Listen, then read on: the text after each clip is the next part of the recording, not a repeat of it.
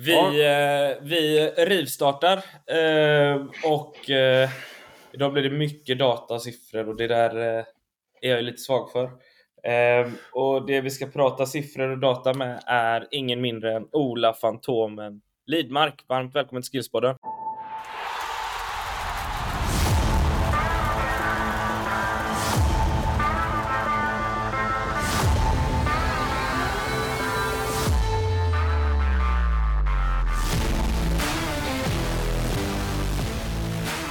Så jättemycket. Superkul att vara med. Kul att ha dig med. Vi, vi har inte pratat data och inte fått prata data med, med så jättemånga andra gäster.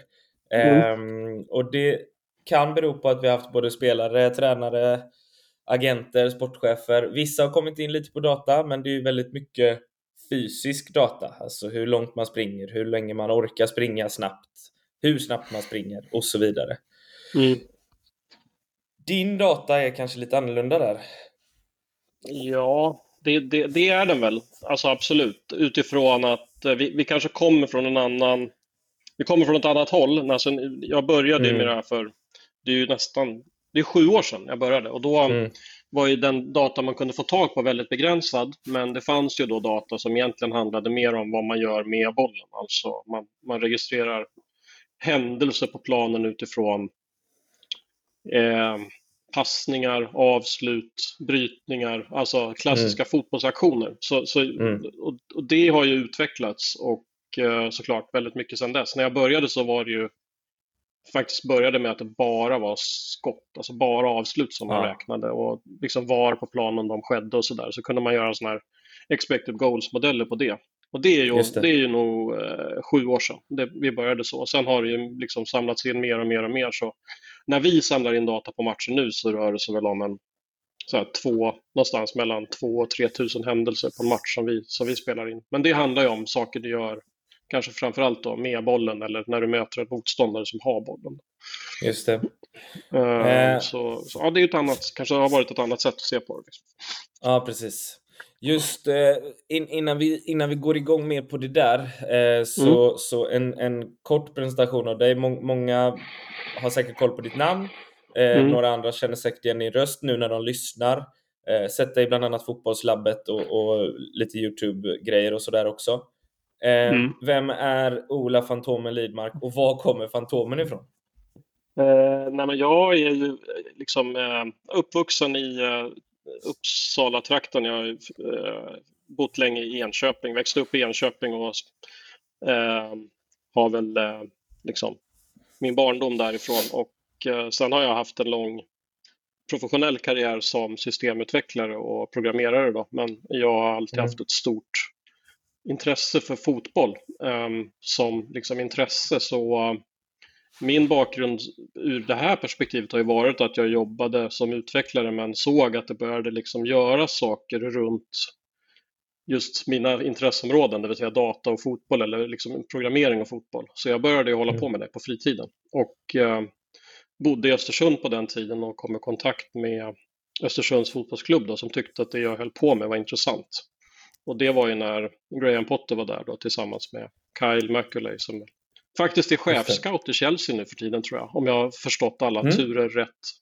Jag ja, svarar mig det har väldigt... mycket alltså, där dock. Ja, det har det gjort. Men det senaste jag sett. Sen har jag pratat med honom på WhatsApp, men nu har han faktiskt inte svarat på ett tag, så jag vet inte om det är ett tecken på att det håller på att hända saker där. Men hur som helst. Han tyckte att... arbetstelefonen. Ja. Men han har eh, i alla fall varit en stor, liksom tidig så källa till mm. att vi att, vi, att, att jag är där jag är idag, därför att han bejakade det som vi höll på med, eller det som jag höll på med då, och tyckte att det här var superintressant. Mm. Så um, ja, men då gjorde jag en, liksom, utvecklade en dataanalysplattform som han, tanken var ju att han skulle kunna jobba i den själv. Sen blev det kanske aldrig riktigt så där, men idén var ju också då att om de är intresserade av det så kanske andra klubbar också kan vara intresserade av att jobba på det sättet för att liksom mm. effektivisera mm. analys och effektivisera scoutingprocess framför allt. Mm. Ehm, så då, eh, på tal om Enköping då, så min bästa kompis sen unga år startade jag företaget tillsammans med. Så sen har vi mm. drivit det sedan dess. Och ganska tidigt, och tror vi var väldigt tidiga på bollen, så blev det lite så att det pratades mer och mer om det. Så att då ringde de upp mig från Simor mer eller mindre och undrade om inte vi skulle starta för att de hade haft idéer om att starta den här typen av program. Det var väl Tobias Rosvall då som är, han är väl chef på Radiosporten nu, som mm.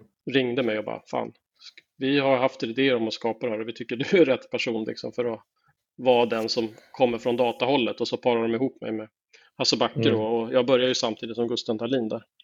Just det. En gång i tiden. Eh, så det har ju varit en jäkla resa. Men ja. Eh, lite tur och lite timing som det ofta är. Ja, exakt. Precis. Eh, men sen, ja, vi var ju tidiga på det liksom.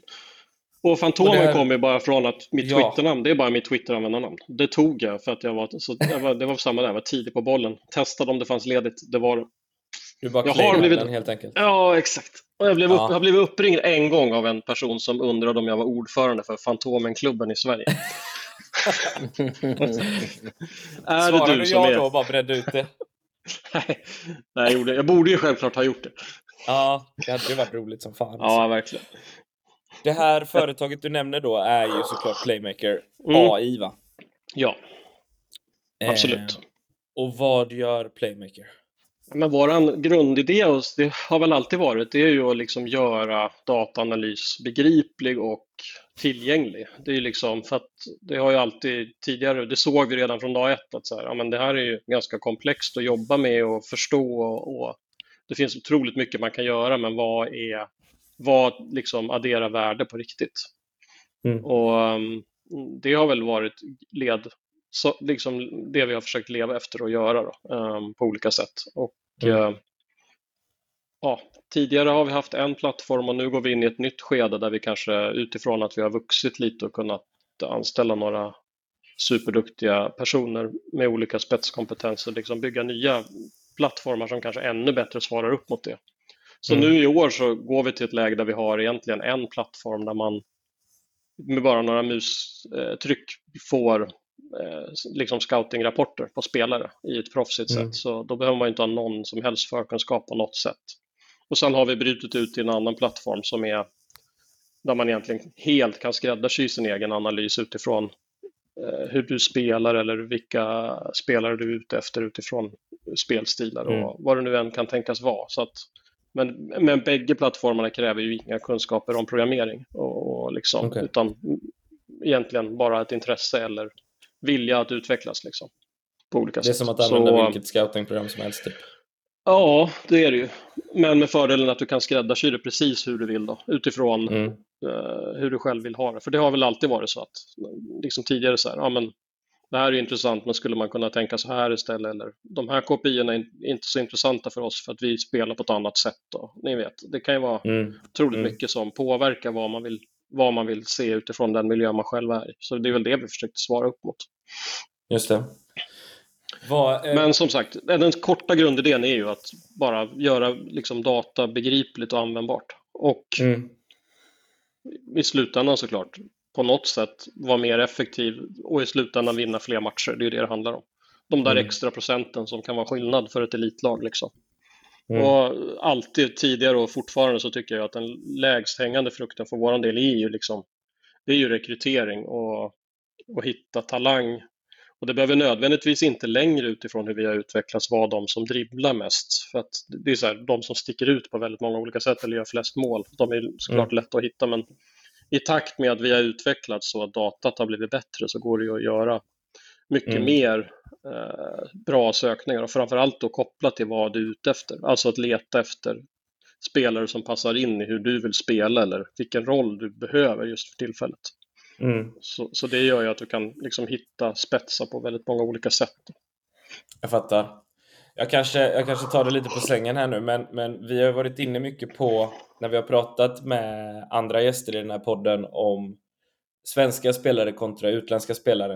Eh, vad som skiljer, vad som är den största skillnaden på svenska spelare och utländska spelare när man mm. har mött utländskt motstånd och, och sådana här saker. Framförallt då i ungdomsleden har mm. varit mm. ett, en mot en-spelet, både defensivt och offensivt. Ja. Där har utländska spelare legat mycket längre fram. Är det någonting som Playmaker hade kunnat ta fram data på? Absolut, det, ju, det skulle man absolut kunna tänka sig. Verkligen. Verkligen. Mm. Och titta på hur eh, liksom, spelet skiljer sig åt i i liksom stora, i de stora grova penseldragen skulle man ju säkert verkligen ganska, eh, vågar jag påstå, ganska enkelt kunna se säkert. Typ mm. om man tittade på en hel Gotia-turnering och titta på hur svenska lag spelar kontra utländska skulle man säkert kunna se skillnader. Just det. Just det. Jävligt intressant faktiskt. Vi, vi jobbar ju, det här Playmaker är väl, eh, om jag har fattat det rätt, så, så är det både lagnivå och individuell nivå som går att ta fram data på, eller? Ja, men så är det ju verkligen. Det, det, är, ju, det är ju samma data, men det handlar ju om hur man väljer att aggregera den. Om man väljer att titta på vad laget gör eller vad man väljer att titta på vad varje spelare gör för sig. Det är ju mm. två olika sätt att se på samma data. Liksom. Mm. Men absolut, men absolut så. Och när ni presenterar detta, jag vet inte exakt hur ni jobbade liksom med att sälja in Playmaker, men, mm. men när ni pratar med klubbar, förbund och, och sådär, vad är, vad är det de går igång mest på så att säga? Men jag tror att det, det, det vanligaste, det vanligaste tror jag är liksom dels att addera en objektivitet till eh, beslutsfattande och i alla typer av processer men att få in det där liksom, objektiva ögat i en scoutingprocess är ju ändå ganska värdefullt för att mm. eh, det är ju inte alltid det man har som magkänsla faktiskt stämmer överens med vad som faktiskt, vad datat säger. Um, jag har väl inget så här eh, superexempel på rak arm, men det kan ju vara att en viss spelare inte eh, slår passningar framåt i banan för att mm. det är mm. så den, den allmänna uppfattningen är, men om man sedan tittar i datat så är det faktiskt så att han slår fler passningar framåt än bakåt i planen. Mm. Um, och det kan ju vara, tycker jag också, att du kan prata om såklart att titta på och utvärdera ditt lags prestation objektivt är också intressant utifrån hur du spelar eller om du gör rätt saker och så vidare. Men det handlar ju om mm. att hitta, hitta sätt att utvärdera uh, mm. och vara objektiv. Mm. Jag ska eh, släppa in, jag tänkte släppa in Anders här också i detta avsnittet, eh, men han sitter kanske och tänker för mycket på Gothia Cup här just nu. Men, men Anders, du, du har väl ändå, du har ju jobbat lite med Elfsborg för några år sedan, eh, din gamla klubb, i ja. själva scouting, eh, i deras scoutingverksamhet. Hur mycket tog ni del av data i era bedömning av spelare? Eh, ja, de andra tog ju väldigt mycket. Jag eh, är ju... Det här är ju ett fantastiskt hjälpmedel. Och jag ser hur glad du är, Marcus, och du brinner för det. Eh, men det finns ju... Jag tar då, använder datan, men sen så tar jag min, som du pratar om, magkänsla, eller min syn på hur en fotbollsspelare rör sig och så vidare. Eh, och eh, vilket jag tyckte en del av dem som satt med där, den var väldigt teoretiska, gick ju enbart på datorn, datan och det tycker inte jag man kan göra. Eh, det finns ju massa exempel eh, såklart. Men det är jag tycker det är ett fantastiskt hjälpmedel som bara blir bättre och bättre. Eh, sen finns det ju liksom, bara som exempel, när någon spelar väldigt många passningar bakåt. Det finns ju, kan ju finnas, ja, vad är det för situationer? Hur slår han passningar? Eller vad är det för kvalitet på passningarna? Eh, vad har han för roll? Det, det finns så, så jättemånga parametrar.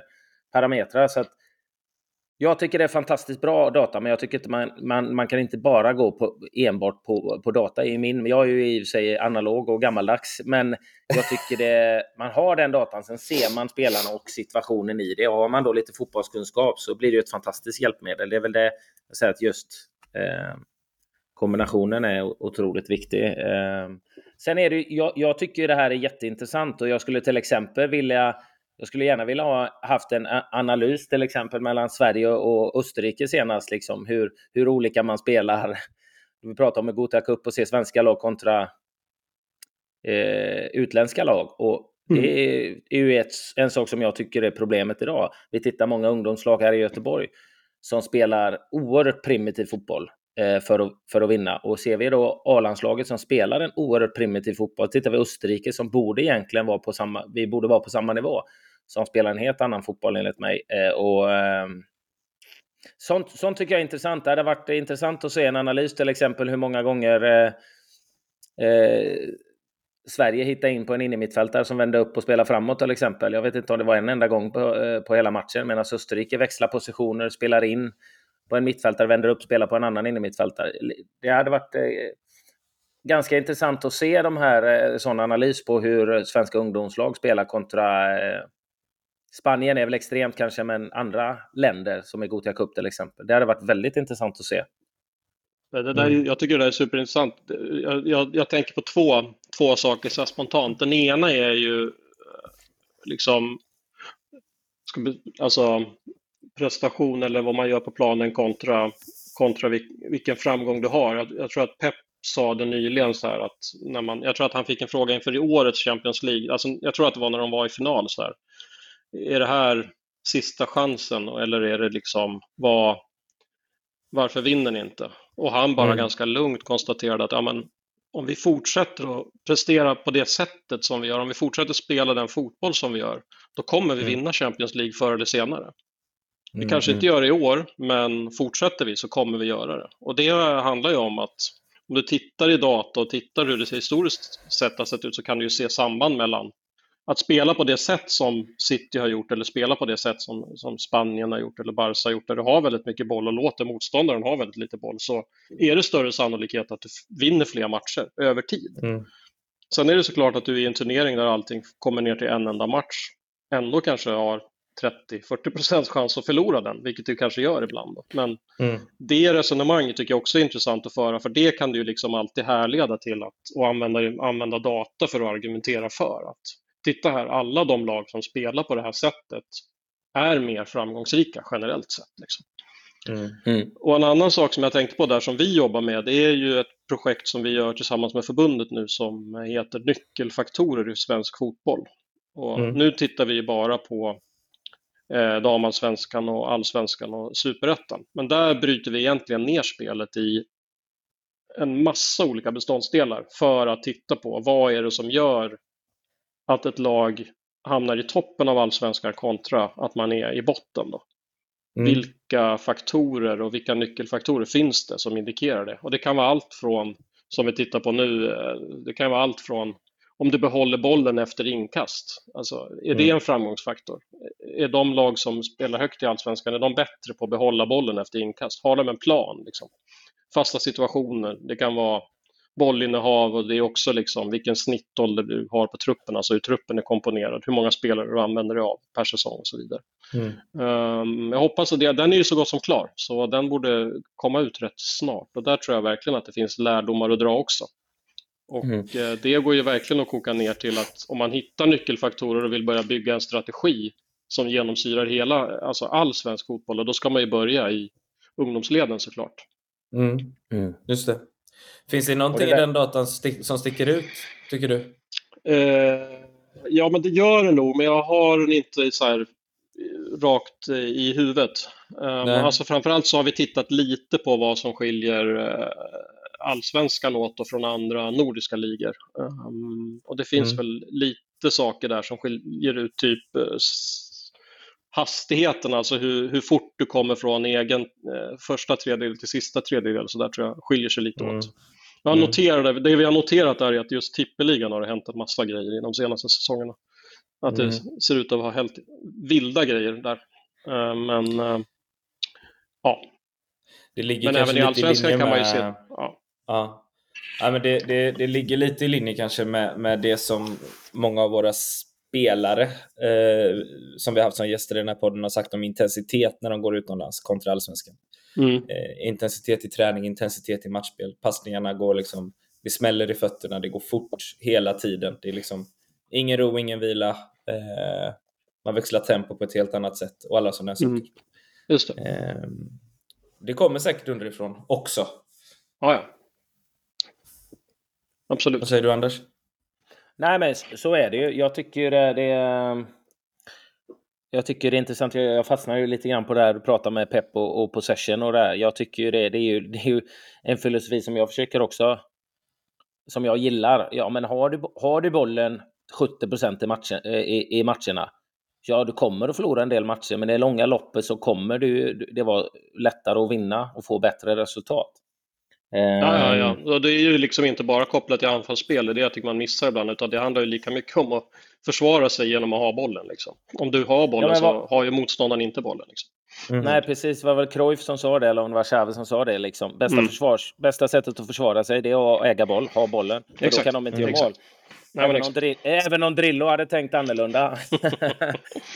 men, men jag tycker det där, det där är intressant och det är lite, jag, jag följer ju mitt Elfsborg såklart väldigt mycket och, och, och tittar och de är ju väldigt framgångsrika just nu, men de har ju det här direkta spelet. Jag menar, de möter mm. Hammarby och vinner med 2-0 och är, är, är, väl bättre. Men jag tror Hammarby i första halvlek ändå har bollen över 70, nästan 70 procent.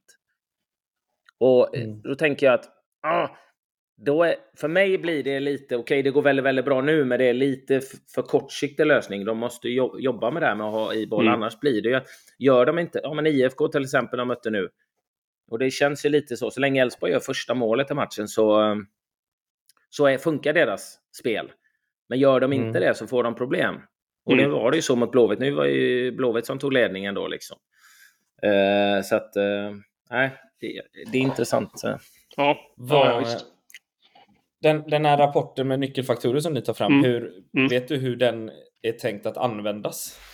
Eh, nej, eh, nej, alltså, ja, det, det, gör jag väl i viss mån. Jag kan inte svara exakt alla användningsområden, men jag vet att den kommer att användas som underlag för de, till exempel i tränarutbildningar och analysutbildningar och så som förbundet har som en del i, i uh, utbildningarna utifrån att man vill ju kunna ha när man bygger, när man, till exempel när vi har analysutbildningar så vill vi ha, så har man ju övningar som handlar om att kanske analysera ditt eh, lags prestationer eller liksom planera för ett truppbygge över, en, över mm. ett transferfönster eller flera transferfönster. Och då är det ju intressant att ha en sån här rapport att gå tillbaka till för att liksom kunna motivera hur man tänker.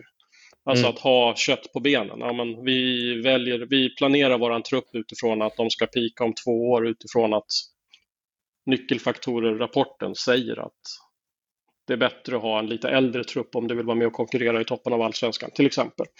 Mm. Eller om vi kommer, ja ni förstår. Så ja, det handlar ju om att eh, precis ha den eh, eh, rapporten att falla tillbaka på när du ska motivera hur, hur du väl, vilka beslut du fattar, liksom. om, du ska ha någonting, mm. om du ska underbygga någonting med hjälp av data. Liksom. Mm. Har, det, har det varit en...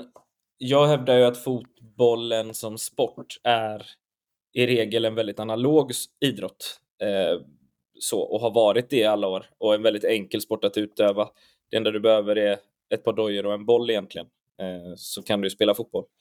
Upplevde mm. ni på Playmaker någon sådan hög tröskel när ni skulle presentera detta som vi ju är väldigt långt fram? Rent, oh ja. Eh, det gjorde ni. Ja, verkligen. Och verkligen, när vi började för sju år sedan och hade byggt vår plattform och var eld och lågor och tyckte att den var helt otrolig och ville komma mm. ut och visa den så eh, var det väl mer än en allsvensk sportchef som inte ens svarade på våra mejl. Eh, mm. Och nu hör ju allsvenska sportchefer av sig till oss istället och vill att vi ska komma och träffa dem. Liksom. Så på de, sju åren har, ja, men på de sju åren har det ju hänt otroligt mycket i mm. liksom, acceptans och förståelse för att data är ju liksom inget, inget hot mot någon. Det är ju inte det som är vårt syfte att ta någons jobb eller säga att det är så här, AI ska komma och liksom, ta allas jobb, utan det handlar ju om att göra alla bättre i sina roller. och, så mm jag tycker att få ett verktyg som kan eh, generera en bra scoutrapport baserat på dator och faktiskt vara hyfsat träffsäker tror jag underlättar de flesta sportchefers vardag. Mm. Om du, mm. istället för att man måste lägga, misstänka i princip hela sin arbetstid på att gå igenom alla, rapport, eller alla tips som man får. Mm. Och ha ett, fullt, ett första filter som är liksom 80-90% träffsäkert är ju ett superbra verktyg att använda sig av tycker jag. Mm. Helt rätt. Och, ja. Eh, tror, du, tror du att man hade kunnat värva en spelare till en allsvensk klubb baserat på endast playmaker? Ja, ja, absolut. Men jag är ju extrem åt det hållet. Men det, jag vill absolut påstå det, ja. ja.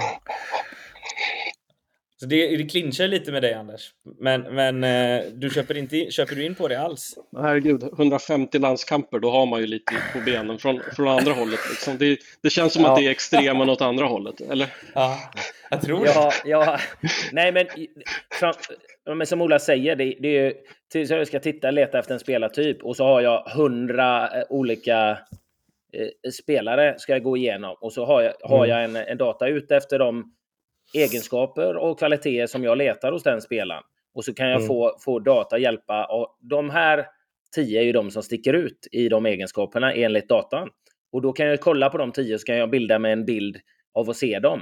Så att Mm, det, är, det- är ju otroligt eh, värdefullt. Sen skulle jag aldrig förlita på mig det till 100 procent. Liksom. Eh, jag, liksom, sen förändras det hela tiden. Detta är ju några år sedan när jag satt med och vi hade data på spelare när vi skulle värva till Elfsborg. Men då var det ju liksom sådär, ja men en spelare, vi måste ha en mittfältare som löper in i motståndarens straffområde hela tiden. Den här spelaren är så här många gånger inne i motståndarens straffområde. Okej, ja men det låter jättebra. Han var överlägsen. Men så kollar jag matcher med honom liksom. Hans, hans timing i löpningarna, han var ju inne ofta i straffområdet, men han var ju helt fel. Kom in i fel yta och sådär. Så att, förstår ni vad jag menar? Så att det, Ja, ja, ja. men, men datan är ju ovärderlig, för skulle jag sitta och gå igenom 100 spelare som Ola säger, det skulle ju ta mig hur lång tid som helst. Så får jag Mm. den här datan, får kanske ner till fem spelare. Som, och därifrån, det är ju otroligt eh, stor sannolikhet att Mm. jag hittar en spelare som jag vill ha av de fem. Mm. ja men så exakt att, så. eh, det är ju så, så jag tänker i alla fall i, i, utifrån min, eh, utan att ha jobbat för mycket med det. Men det är så jag tänker att datan är helt ovärderlig att få.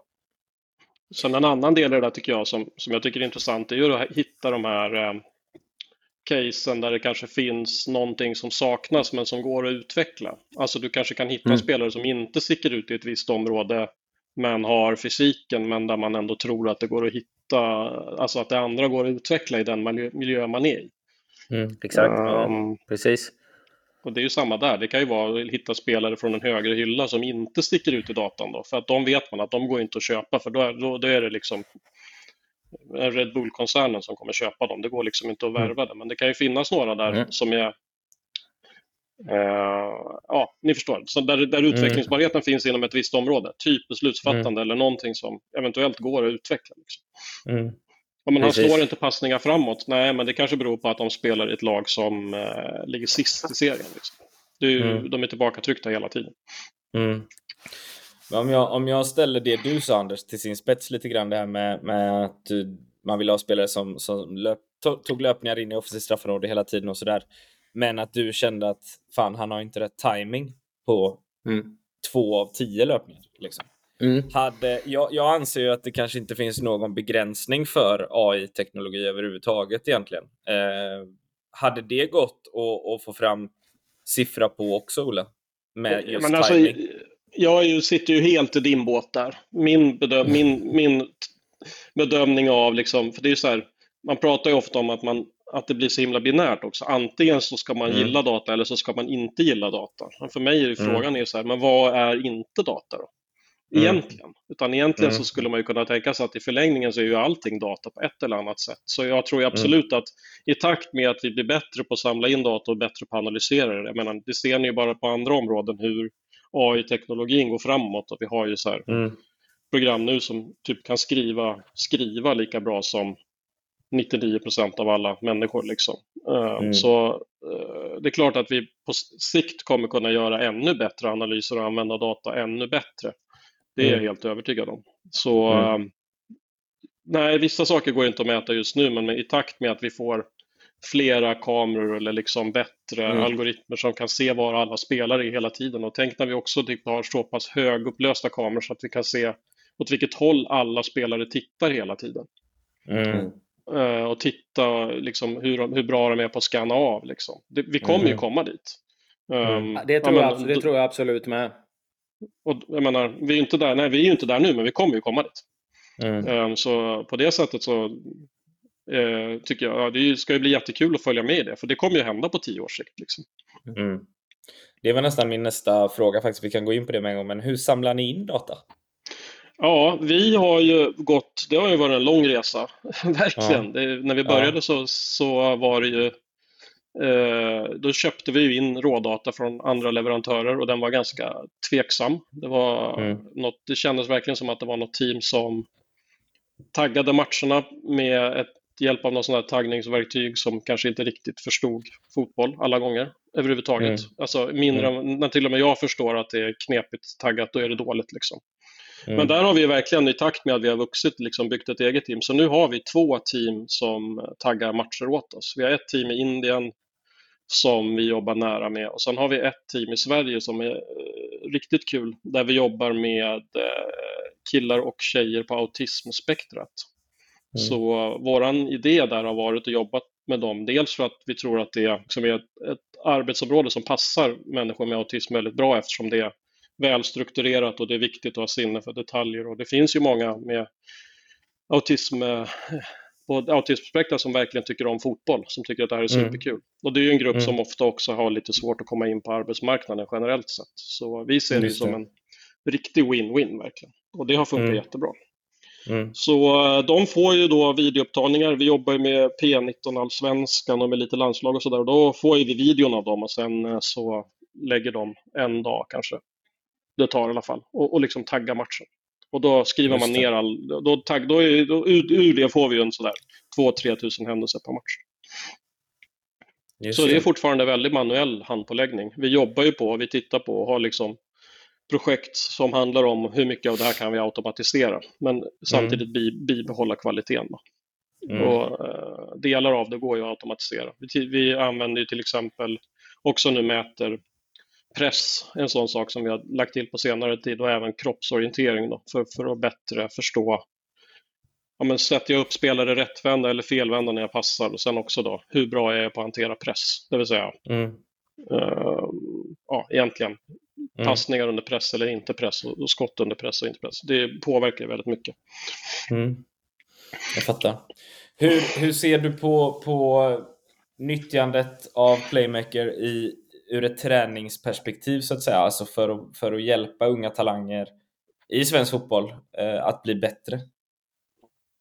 Ja, jag, jag, skulle behöva fundera lite mer på den tror jag, för det är en väldigt stor fråga tycker jag. Men mm, eh, mm. Jag, jag, tror ju att kopplat till det jag sa, alltså som jag berättade om, om liksom nyckelfaktorer och vad vi tror är framgångar för svensk fotboll så tror jag absolut att man kan tänka sig att det går att identifiera vad åtminstone lag behöver bli bättre på för att mm. utveckla talanger och för att utveckla liksom spelare som passar i att spela en vinnande fotboll på sikt. Liksom. Mm.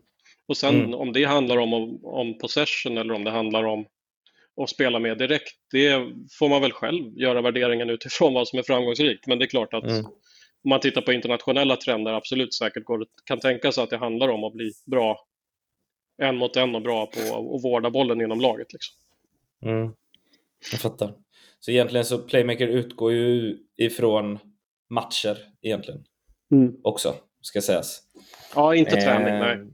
Nej, precis. För det, nej. Och det är väl där vi skiljer oss lite. Eh, med tanke mm. på att vi gör ju vi vill ju ta, screening är ju ett ord som har funnits med länge eh, till exempel, men, men har ofta, eh, oftast varit inriktat på, på de fysiska egenskaperna hos en fotbollsspelare. Mm. Mm. Eh, och det är såklart superviktigt, men, men oh vi tycker att de fotbollstekniska egenskaperna är lika viktiga att mäta och mäta progression på också. Ja, ja. Ehm, och det kände vi att det fanns ju inte riktigt. Eh, och, och med, med de målen som vi har, vi har digitala mål med sensorer i som kan mäta x antal olika saker, quality passes, speed of play, eh, massa så här. Eh, och då byggde vi upp eh, fotbollstekniska matchlika situationer som övningar, fem stycken, som alla spelare går igenom och så får vi ut data på det. Eh, och så mäter vi en spelare två, tre, fyra gånger per år. Ja. Eh, för, att, för att se en utveckling i träningsmiljö då. Mm. Eh, och det, det tror vi ger resultat i match också. Ja, ja, det är jag övertygad om. Mm. Men det är ju en typisk sån sak som man skulle, i sånt läge skulle kunna tänka sig. Alltså om man hade mm. vår, våran data på matcherna så hade man ju säkert också då kunnat hitta mätpunkter som liksom kvalitativt skulle kunna följa upp det över en säsong. Liksom. Ja, just det. Just det. Eh, snyggt. Vad, slutligen då, vad är målet med Playmaker? Eh, nej men alltså, vi har ju alltid sagt att vi skulle vilja känna att vi var på något sätt lite delaktiga i ett mästerskapsguld för ett mm. landslag. Mm. Det är ju på något sätt ett naivt men ändå roligt nej. mål. Ingen är gladare än jag i så fall. Nej, men det, det, det är väl så. Och sen är det ju så att vi har väl alltid bara drömt om att få jobba med fotboll. Men nu har vi ju ett gäng anställda som jag vurmar väldigt starkt för, som jag också vill ska fortsätta få göra det. Så, så mm. vi kör väl på bara. Mm. Sju, sju år till. Men det är väl fantastiskt att ha ett sånt, ett sånt mål ändå? Det gör ju att man får en, har en drivkraft om att hela tiden bli, förbättra sig och bli bättre och göra saker och ting bättre. Det är väl ja, underbart verkligen. med en sån drivkraft? Jo, men, jo, men och sen och liksom just att kunna eh, få jobba med fotboll som man alltid haft som största intresse fast man inte var så bra på att spela liksom och hitta andra vägar.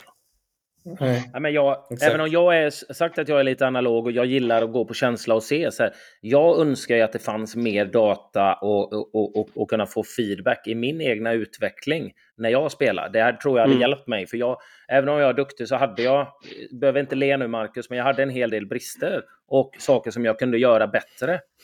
Och eh, det önskar jag att jag hade fått tidigt. Jag vet att jag tror Hamrén där, eh, när han var förbundskapten, då hade vi ju väldigt mycket eh, analyser där vi tittade. Men det var ju, mm. jag var ju en bra bit över 30, liksom, över 35 då. Typ. Mm. Och fick feedback, liksom, saker som jag behövde förbättra i mitt rörelse på planen och, och mitt positionsspel och andra saker.